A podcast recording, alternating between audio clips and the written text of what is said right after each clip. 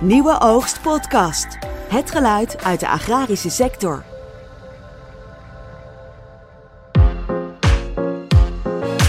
Want dat hoor ik heel vaak in zaaltje. Trek een stekker uit het kabinet. Nou, mevrouw van der Plas mag best weten. Ik heb daar heel vaak aan gedacht afgelopen jaren. Ik denk, joh, zoek het uit. Ik ga weer leuke dingen doen. Provinciale vertegenwoordigers van de VVD, die hebben er ook geen twijfel over laten bestaan dat ze zich gaan verzetten tegen het stikstofbeleid. Wat is nou uw belofte aan de kiezers? Niet alleen moet je kunnen bewijzen dat het van A naar B gaat, die stikstofmoleculen. Je moet ook nog bewijzen dat je boerderij A zou moeten onteigenen en niet boerderij B die daar vlak naast ligt. Klopt. Nou, dat is nog een heel lastige. Welkom luisteraars bij een nieuwe aflevering van Haagse Oogst, de politieke podcast van Nieuwe Oogst. Eh, we gaan hier vandaag weer de laatste ontwikkelingen op de landbouwpolitiek belichten. Eh, mijn naam is Peter Smit en ik zit hier vandaag met mijn collega Thijs Hallema Hallo Peter. en René Bouwmeester. Dag luisteraars. René, ik eh, schiet maar gelijk even af. Jij was vorige week donderdag bij het debat over stikstof en de gebiedsprocessen. Ja, dat klopt. Eh er was echt een heel lang debat. En het zou over stikstof gaan en daar ging het ook eh, over. Alleen echt veel duidelijkheid is er nog niet over gekomen. Nee?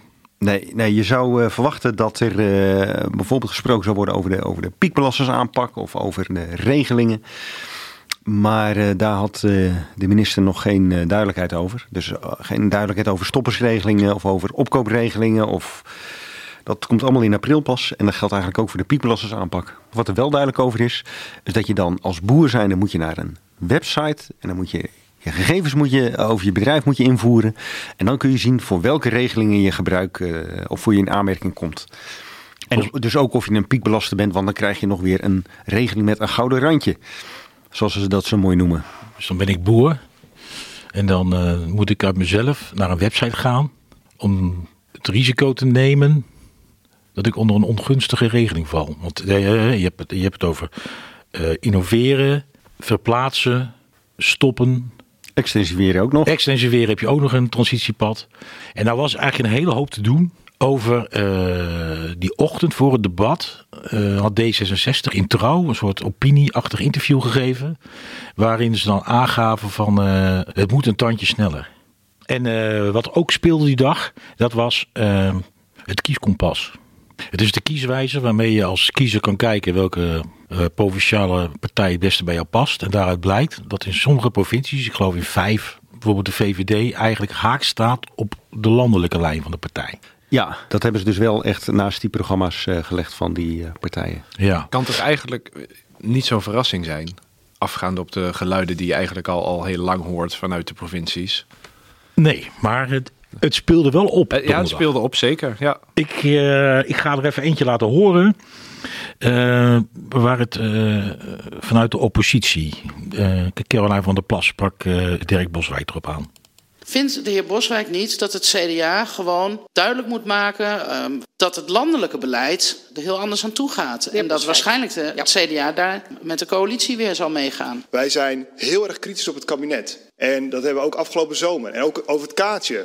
Vanaf het begin af aan tegen geweest en kritisch op geweest. Ik had daar veel kritischer op moeten zijn. Want ik verwijt het mezelf ook. Maar dat heb ik al een half jaar gezegd. Ehm, en dan ben ik eigenlijk wel, dan wil ik eigenlijk de vraag terugstellen. Wat zou mevrouw van der Plas in mijn in mijn zou ze de stekker uit het kabinet trekken. Want dat hoor ik heel vaak in zaaltje. Trek een stekker uit het kabinet. Nou, mevrouw van der Plas mag best weten. Ik heb daar heel vaak aan gedacht afgelopen jaren. Ik denk, joh, zoek het uit. Ik ga weer leuke dingen doen. Maar dan, voorzitter, dan denk ik aan die pasmelders. En dan denk ik, als ik de stekker uit het kabinet trek... dan zijn we een jaar onderweg met nieuwe verkiezingen en onderhandelingen. En als pasmelders iets niet hebben, is het tijd. Dus het is ongemakkelijk. Dat zou ik hier meteen zeggen. En het is moeilijk. En het is ook, ook met, met mijn eigen achterban, soms worstelen. Maar de lijn die wij als landelijk hebben is hetzelfde als provinciaal. En ik baal ervan dat een kieskompas alle nuance, wat het sowieso het grote probleem is bij dit hele debat, alles nuance plat slaan tot één stelling. Je bent voor of je bent tegen. Terwijl het juist het stikstofdossier dossier complex is en om nuance vraagt. Ja, de stekker uit het kabinet trekken. Hij begon er zelf over. Ik stond er nog een beetje van te kijken, maar het zegt wel iets natuurlijk. Dat hij daarover begint. Nou, dat speelt in zijn hoofd. Het, bijvoorbeeld, ah, ja, goed, het is niet dat hij de stekker uit, uit het kabinet wil trekken, maar je proeft de, eh, het ongemak waarmee het CDA in dit dossier zit. Dat bedoel ik. Ja. dit, dit, het schuurt natuurlijk aan alle kanten.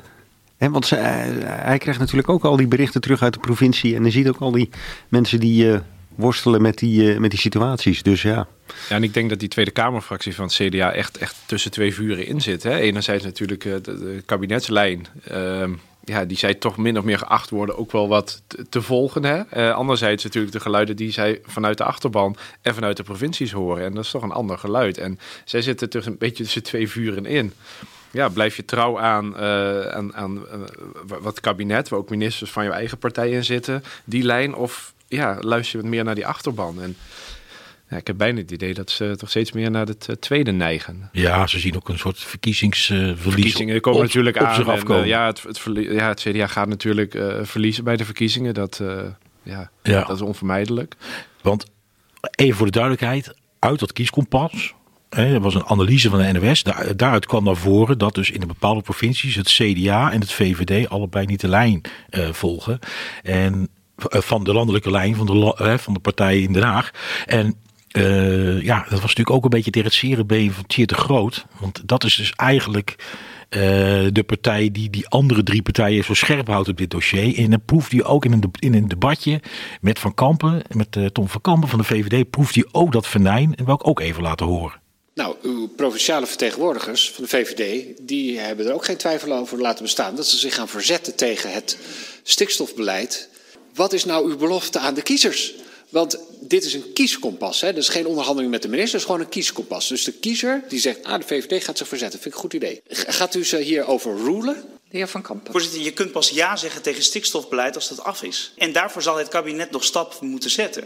En het is waar dat de VVD een andere politiek in dit, in dit vraagstuk verkiest dan D66. Die nog voordat vrijwillige mogelijkheden voor ondernemers om te zeggen... ja, wij willen een bijdrage leveren aan de oplossing van dit grote probleem... al zegt, we gaan ze onteigenen. We, we, we trekken de vergunningen in. Laat maar zitten, we hebben er al geen vertrouwen in. Laten wij het D66-dictaat vanuit Den Haag maar over het land uitroepen. Dat is een lijn die de VVD niet kiest. D66-dictaat, zegt hij. Ja, dus uh, stevige taal. Ja. Ook wel uh, taal uh, ja, die je in verkiezingstijd natuurlijk hoort. Ja, um, het zegt natuurlijk ook denk ik al wat over de onderlinge verhoudingen binnen die coalitie. Die worden natuurlijk steeds, steeds scherper op dit dossier. Ja, het moment van echte keuze, zoals wat René net zei. We hebben nou zoveelste grote stikstofdebat gehad. Vorig jaar april ging het al over, we moeten vaart maken. Er moet een ja. aantrekkelijk bod komen. Ja. En er moet duidelijkheid komen. En we zijn nu echt bijna een jaar verder.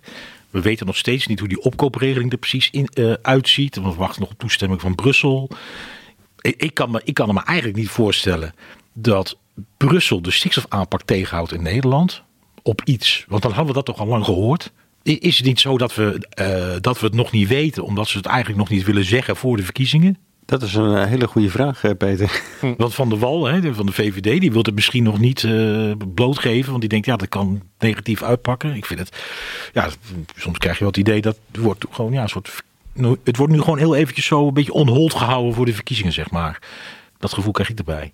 Um, en, en ja, en, en, het ging ook nog even over uh, polarisatie, hè? Daar ging het ook nog even over. De, Dirk Boswijk die uh, vaarde daar nogal uit tegen uh, de Groot op dat vlak. En het is eigenlijk wel een opvallende de discussie als je bedenkt dat het ook twee coalitiepartijen zijn. die ja. dus kennelijk toch ook op dit vlak een hele andere koers voeren. Ja. Waren. Ja, want even vertellen nu. Hij heeft nu een botsingje gehad met, met Van Kampen en nu komt Dirk aan de beurt.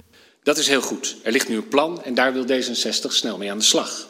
Wat hieraan nog wel ontbreekt, is wat de gevolgen zijn voor boeren die niet gebruik maken van de vrijwillige mogelijkheden. Er wordt bijvoorbeeld geen invulling gegeven aan wat het verplichtend instrumentarium is. En zo blijven we, voorzitter, toch een beetje om de hete brei heen draaien. De toekomst van de boeren blijft onzeker. En D66 zegt erom, geef die duidelijkheid. Zodat boeren de vrijwillige mogelijkheden met beide handen aan kunnen grijpen en straks niet achter het net vissen als het te laat is. En dat betekent dat je zult, nu zult moeten aankondigen in november te starten met verplicht instrumentarium als laatste redmiddel. Dank u wel. Interruptie van de heer Boswijk, CDA. Ja, dank voorzitter. Ja, ik begon al meteen omdat de inleiding van de heer De Groot vanmorgen al namelijk in de krant stond. Dat ik me afvraag, Gelooft D66 wel in zijn eigen antipolarisatieverhaal? Want je zou die boer zijn met dat gezin, die heel graag stikstof wil reduceren, maar die continu die one-liners vanuit D66 op zijn dak krijgt. En voorzitter, ik sta elke week meerdere keren in zaaltjes. Afgelopen week nog in, in Zuid-Holland voor een volle zaal, in Friesland en in Noord-Holland. Omdat ik van, ten diepste van overtuigd ben dat we deze transitie alleen met de sector gaan krijgen. En dan krijg ik het verwijt vanmorgen in de krant dat ik zand in de ogen strooi. Nou, voorzitter, laat mij heel helder zijn. Elke keer als de heer De Groot in interviews met one-liners strooit, lopen die mensen van tafel. Lopen die boos uit het zaaltje. Dus D66 gooit hier niet zand in de ogen, maar zelfs ook zand in de machine. Ja, ik, vind het, ik vind het wonderlijk hoe, hoe Thierry de Groot, zeg maar die vrijwilligheid, hè, dat zijn vrijwi- dingen die je eigenlijk niet wil, maar waar, waar je je vrijwillig voor aan moet melden, alsof hij dat soort verkoopt als een soort gunst naar die boeren toe. Ja, het, het grote onteigeningsfeestje. Hè? Of, Ja. Als we boeren daar eh, staan te dansen, maar ze staan er wel te dansen met een, eh, met, met een, met een mes op de keel. Ja, eh, ja, ja en de, je moet dus die vrijwilligheid, die, eh, die vrijwillige sporen moet je ingaan. Want hij zei in het debat, dat was het voorstel eigenlijk eh, van, eh, van D66, want dan moest de minister moest maar beginnen in november dit jaar al met eh, ja, het gedwongen instrumentarium. Ja, dat is eigenlijk opkoop dus. Ja, gedwongen, gedwongen opkoop, onteigenen. Ja. Ja, en eh, nou ja, eh, het was ook een hele, een hele discussie was er in de Kamer over of dat onteigenen überhaupt wel zin heeft. Omdat het ook een heel lang juridisch traject is. Ja, ja eh, nou ja, dat klopt. Ehm, en, en met name eh, op, welke basis doe je dat? Hè? Eh, je, de, er wordt bijvoorbeeld eh, veel verwezen naar eh, dat Arias-model. Ehm, maar eh, Pieter Omtzigt die had een, een tamelijk lang eh, betoog. eh, en die zit redelijk goed in de cijfers, weten we. Of eigenlijk heel erg goed in de cijfers. En die eh zette uiteen dat dat eh, model eigenlijk niet zo geschikt is eh, voor dat soort acties. Je, je, je kan er niet dermate van op aan om het in te zetten bij onteigening. Omdat het ook elke keer wordt aangepast. En dat zou dus ook kunnen betekenen dat je de ene keer wel een, een, bijvoorbeeld een piekbelaster bent en de andere keer niet. Ja, ik vond het nogal. ik vond het wel ver- verhelderend. Het was inderdaad een heel lang en heel theoretisch betoog. Maar het, het viel me vooral op dat hij eigenlijk zegt: het Arius-model kun je niet gebruiken om de boer aan te wijzen bij een natuurgebied die je wil opkopen. Gedwongen opkoop. Ja, dat, dat ook. Want dan kom je bij de rechter en dan zegt de rechter: maar waarom doen we niet boer B? Hè, die dan dezelfde invloed kan hebben. Dus eh, we, we laten het even horen. Ja, voorzitter, eh, de heer Boswijk eh, zegt het goed, maar je hebt hier over juridisch iets heel precies. Want er zitten nog twee andere dingen in. Niet alleen moet je kunnen bewijzen dat het van A naar B gaat, die stikstofmoleculen. Je moet ook nog bewijzen dat je boerderij A zou moeten onteigenen, niet boerderij B, die daar vlak naast ligt. Klopt. Nou, dat is nog een heel lastige. En voor ehm, de juridische analyse heb je ook nog de modelonzekerheid erin. Als dat op en neer vliegt met soms 10, in een uitzonderlijk geval 100 mol, dat heb ik erin staan, maar vaker met 10 mol. Terwijl je kijkt naar een afwijking van 0,05 mol, ja, dan ga je daar ook al nat op. Ik denk wel. dat het verstandig is voor al die provincies en al die dit denken te kunnen gaan doen, dat ze precies weten dat ze eigenlijk ongeveer helemaal nergens voor kunnen gebruiken. Om dat precies te weten, zou ik dat graag in kaart gebracht eh, zien. Mevrouw Bromet nog even. Ja, voorzitter, ik vind het wel opmerkelijk dat de partij zoals het CDA wel geloofde in het model Arius toen er veehouderijen uitgebreid moesten worden. Dus toen was het wel geschikt. En nu dat er vergunning ingenomen moeten worden, is het opeens uh, helemaal moeilijk, moeilijk, moeilijk. En mijn vraag aan de heer Boswijk is, hoe lang gaat het allemaal duren als we al die mitsen en maren die nu opgenoemd worden ook nog in beschouwing gaan nemen in dit verschrikkelijke dossier? Voorzitter, mevrouw Bromet heeft helemaal gelijk. Het Arias-model is destijds opgericht om ruimte te zoeken die er eigenlijk niet was. Daarom zijn we gaan zitten mieren, uh, millimeteren op hexagonen, wat ik ook onbegrijpelijk vind. En dat is ontploft ons nu in ons gezicht en nu zeggen we allemaal schande, hoe had je dit ooit... Dus ik deel uw frustratie, maar dat neemt niet weg dat wilt, wil je, en ik, ik denk dat we er alles aan moeten doen om dat moeten voorkomen, maar wil je in de rechtbank uiteindelijk iemand kunnen onteigenen, dat kunt u leuk vinden of niet, dan zal de rechter wel zeggen, dan moet je een waterdicht dossier hebben. Dank. En mijn twijfel zit erin dat, of mijn twijfel, ik weet eigenlijk zeker dat je dat niet alleen op areas kan doen. Daarom, in belang van de natuur en in belang van de samenleving, vrijwilligheid, vrijwilligheid, vrijwilligheid uh, en zorg voor die instrumenten. Als je dit zo hoort, dan is dat uh, die onteigeningsdwang die D66 eigenlijk achter het stikstofbeleid wil zetten. Hè, dat is eigenlijk wat hij wil. Hè. Hij wil zo gauw mogelijk kunnen uh, ja, wat is het, dreigen met, met, met opkoop, gedwongen opkoop. Als je niet voor een vrijwillig uh, pad kiest als piekbelaster. maar hieruit, eh, ja, die omzicht vraagt aan de minister om, om daar komt waarschijnlijk een Kamerbrief over, eh, om eens een keer uit- juridisch uit te leggen, of door de landsadvocaat te laten adviseren van of dit überhaupt wel kan op basis van Arius. Ik vind dat wel een hele, ik vond een hele interessante vraag. Ja, zeker. Eh, jammer genoeg, eh, hij heeft er nog wel veel meer over gezegd trouwens. Dat eh, laten we nu niet horen, maar ja, dat wordt wel een, eh, een spannende. Want waarschijnlijk staat of valt het hele beleid daarmee. Nou, niet het hele beleid, maar wel, Nee, nee, maar wel die, het, verplichte instrumentarium. Het aanwijzen van die mensen, inderdaad. Nou, het Ja. verplichte instrumentarium. Als jij Ja. op een plek zit en ze willen je daar eigenlijk niet hebben. En, eh, en eh, je wil nergens aan meewerken. Of dan, eh, dan komt dat verplichte instrumentarium om de hoek. En dan legt omzicht er precies uit van. eh, ja, waarom ik en hij niet? Ja. Ja, we hebben er eerder natuurlijk al, al vaak over gesproken. En eh, ik heb het hier ook wel eens over gehad met eh Charles van Mierlo, de huisadvocaat van, van LTO Noord ook. En eh, die zegt ook van dat onteigening echt ook door de overheid als alle, alle, allerlaatste eh, middel eh, ingezet zou moeten worden. Ook omdat het procedures zijn die jaren duren. Dus eh, wil je snelheid, dan, dan lijkt het een beetje tegenstrijdig met dat, dat, dat, wat je te groot zegt. Hè. Die wil snelheid, maar Ja. is onteigening lijkt dan eigenlijk gewoon het, ja, helemaal niet het, juiste eh, Nee. eh, idee daarbij. Maar, Ja. ja, en dan vind ik ook alweer wat er ook eh, in een, eh, een van deze stukjes eh, ho- hoorde zeggen van, eh, van Dirk Boswijk, is dat, eh, hè, dan kom je, eh, dat, dat, dat die eh, berichten in de kranten, hè, of D66 dan weer in touw doet volgende week, we moeten sneller en eh, weet je, doorpakken, dat werkt natuurlijk niet in je voordeel. Nee. Hè, als je, je eigenlijk, je roept weer weerstand op, terwijl Remkes het juist allemaal weer een beetje, het overleg weer een beetje op de rit gekregen Precies, dat we het samen moeten doen vanuit de Ja. gebieden, eh, met, met boeren erbij en eh, niet te veel opleggen van bovenaf. Ja. En, eh, ja. Ja, want ondertussen wordt er ook overlegd over het landbouwakkoord. En, en dat denk ik van dat is een hele positieve ontwikkeling. Want voor het eerst sinds 15 jaar zitten alle ketenpartijen om de tafel. Hè, een, een plan te bedenken om, eh, of een akkoord te sluiten en een plan te bedenken, zal er ook wel bij horen, om, die, hè, om de hele sector naar 2040 te krijgen. En er viel me op dat ze in de Tweede Kamer, dat er dan weer zoveel vraagtekens worden opgeworpen. Er worden gewoon, gewoon eh, boombalken op de rails gegooid, zeg maar, van die terrein, om die terrein maar. Hè, want eh er was eentje van, ja, de klimaatdoelen staan 2050 en eh, het akkoord kijk maar tot 2040. Er zit een gat van 10 jaar. Ik denk, nou, je moet al blij zijn als je 2040 gewoon, als je zoveel kan kijken voor een sector als de landbouw. Dus ik, ik heb me daar heel erg over verbaasd. En ook weer, eh, nou ja, het, het is weer zeer te groot. Maar hij, ging, hij heeft dus eh, nou, een beetje mot gemaakt met, van, met Boswijk van het CDA. Met Tom van Kampen eh, van de VVD. En nu had hij nog eentje te gaan. Dat was ChristenUnie. En heeft hij de minister, ging die dan over de reflectietafel.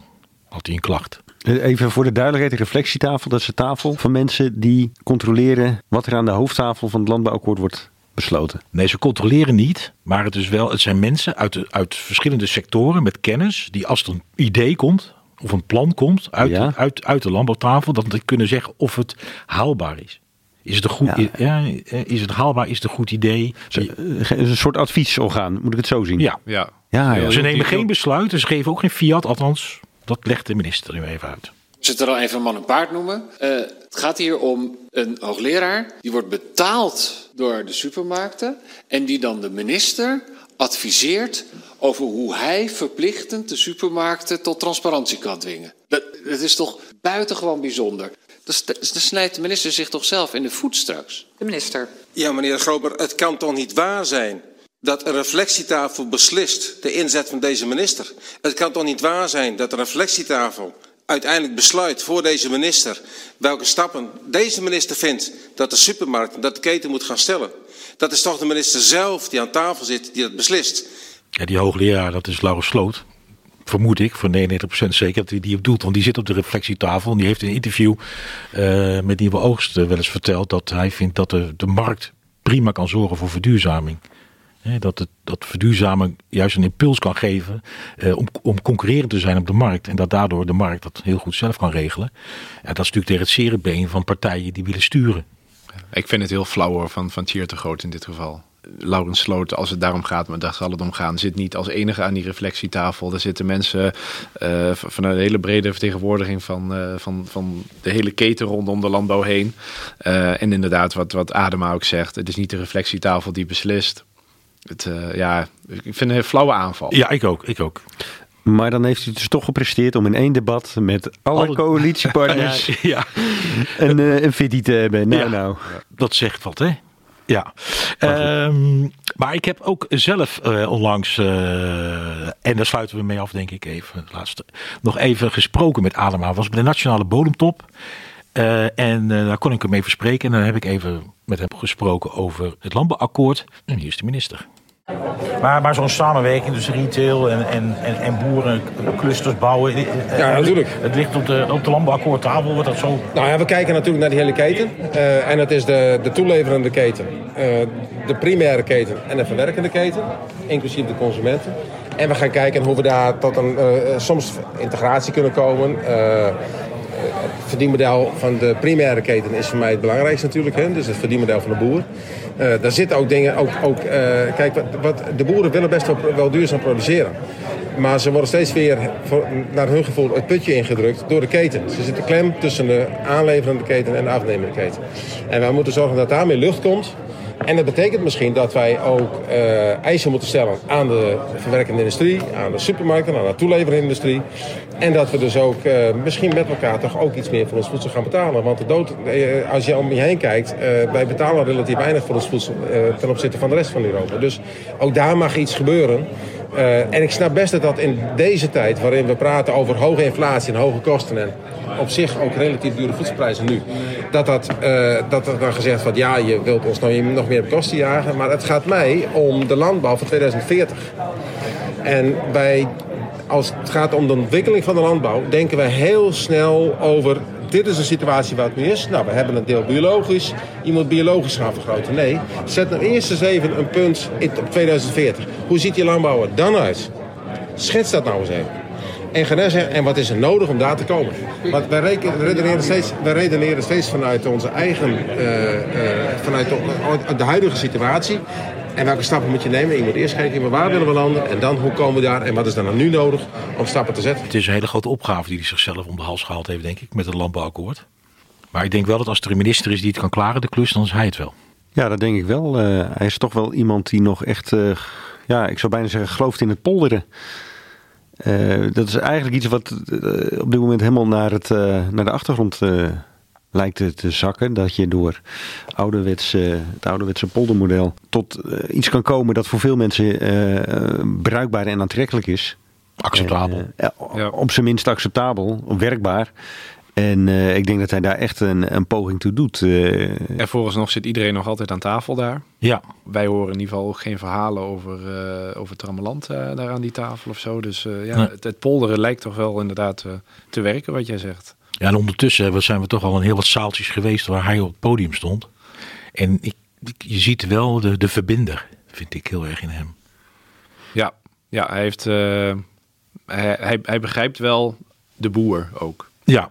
En eh, ja, hij, hij schermt natuurlijk ook bij al, die gelegenheden wel met zijn eigen eh, afkomst. Hè, hoe hij zelf als, als jongeman het boerenbedrijf van zijn familie of van zijn buren of zo runde. Ik, ik weet niet meer precies hoe het, eh Ja, hoe van- zat. had een bijbaantje bij een familie. bijbaantje. Ja, en bij- als die dan met vakantie waren, dan runde hij een paar weken lang het bedrijf. Ja. Daar schermt hij ook heel vaak mee. En eh, goed, mag hij ook doen. Maar eh, hij laat wel zien inderdaad dat hij, eh, dat hij kan verbinden. En dat hij, maar dat hij tegelijkertijd ook echt wel oog heeft voor de, voor de opgave die er is. Ja, ik zou hem wel eens in een, in een zaaltje met eh industriëlen en, hè, en met su- supermarktbobo's of CEO's willen zien. Hoe die, hoe die op hem reageren. Kijk, onlangs met het interview met Albert Heijn, dan- merk je wat ik gehad heb, wat we in de krant hebben gehad, merk je wel dat Albert Heijn, die weet eh donders goed dat ze zoveel boeren nodig hebben. En de boeren die ze nodig hebben, daar maken ze hele goede afspraken mee. Je hoort ook nooit gerommel uit die hoek. Dat is, dat is altijd prima geregeld. Maar het moet ook nog vooral die andere boeren. Hè? Ja. Dus, eh, en, en dan is het initiatief, hè, wat ze, waar Nederland initiatief voor genomen heeft in Europa, hè, dat, dat, dat eh, model om eh, duurzaam product uit andere landen met elkaar te kunnen vergelijken. Dus om, zeggen, om binnen Europa met een duurzame. Een meetsysteem. Ja, ja. Ja. En dat moet natuurlijk resulteren uiteindelijk in een soort Europees logo of een keurmerk. Of, hoe, hè, dan, dan, dan is dat wel ook een, he- dan is dat dan ook een hele grote stap voor al die andere boeren die, die voor, voor de export produceren. Ja. Ja, ja, die kunnen dan ook eh hetgeen waar ze mee bezig zijn en de, de, de keurmerken de- waarvoor eh, volgens eh, welke zal werken, kunnen ze ook verwaarden op die manier. Ja. Ja, want uh, je ziet toch ook in andere landen dat de, de schappen vol liggen met de producten met keurmerken. Dat is niet alleen bij ons zo. Nee. Heren, zijn we zo rond? Hebben jullie nog een laatste, een laatste nabrander? René? Nou, ik heb niet echt een, een, een nabrander, maar de, de enige vraag die ik nog wel over heb is uh, naar aanleiding van die piekbelasters aanpak en die website. En wat gebeurt er nou als je helemaal niks doet? Ja, dat kan geen... iedereen die heeft het waarschijnlijk wel in het achterhoofd, maar de, de vraag is niet beantwoord in het debat. Nou, de suggestie werd gewekt dat je dan uh, op 1 januari... Uh, nee, de suggestie werd niet gewekt. Uh, er werd wel gehoopt door sommige partijen dat dan op 1 januari 2024 meteen een verplichtende maatregel op je erf zouden landen. Maar daar geloof ik niet in. Nee, ik ook niet. Maar dat is het enige antwoord dat de minister heeft gegeven. Van ja, nou, dan word je dus voor een voldongen feit gesteld. Of een, word je misschien verrast door, door de uitkomst. Maar dat kan ik me bijna ook niet voorstellen. Dat dat zomaar van de een op de andere dag gaat. Dat, dat lijkt me sterk. Nee.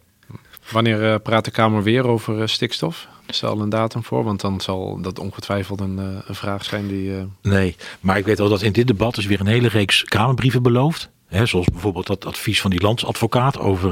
kun je wel met areas naar de rechter als het over uitkopen gaat... Ehm, dus er komen weer heel veel brieven. En als dat op een gegeven moment weer ophoopt... dan wordt er zelf weer een debat ingepland. Ja. Maar het kan ook maar zo zijn dat we na de verkiezingen worden verrast hè, met uh, opeens uh, heel erg doortastend. Opeens is de opkoopregeling er. We zullen het zien. We gaan het meemaken. Ja, nou, met deze woorden sluiten we dan maar af. Deze veertiende uh, editie van Haagse Oogst. Thijs Hallema, hartstikke bedankt. René Bouwmeester, hartstikke bedankt. en luisteraar, u bedankt voor het luisteren. En tot de volgende keer. Haagse Oogst is onder andere te beluisteren via nieuweoogst.nl en Spotify. Kunt u ook deze aflevering downloaden om het uh, offline te beluisteren. Als je aan het werk bent. Hè. Het buitenseizoen komt eraan. Gelukkig. Het zonnetje schijnt weer. Bedankt voor het luisteren. Tot ziens.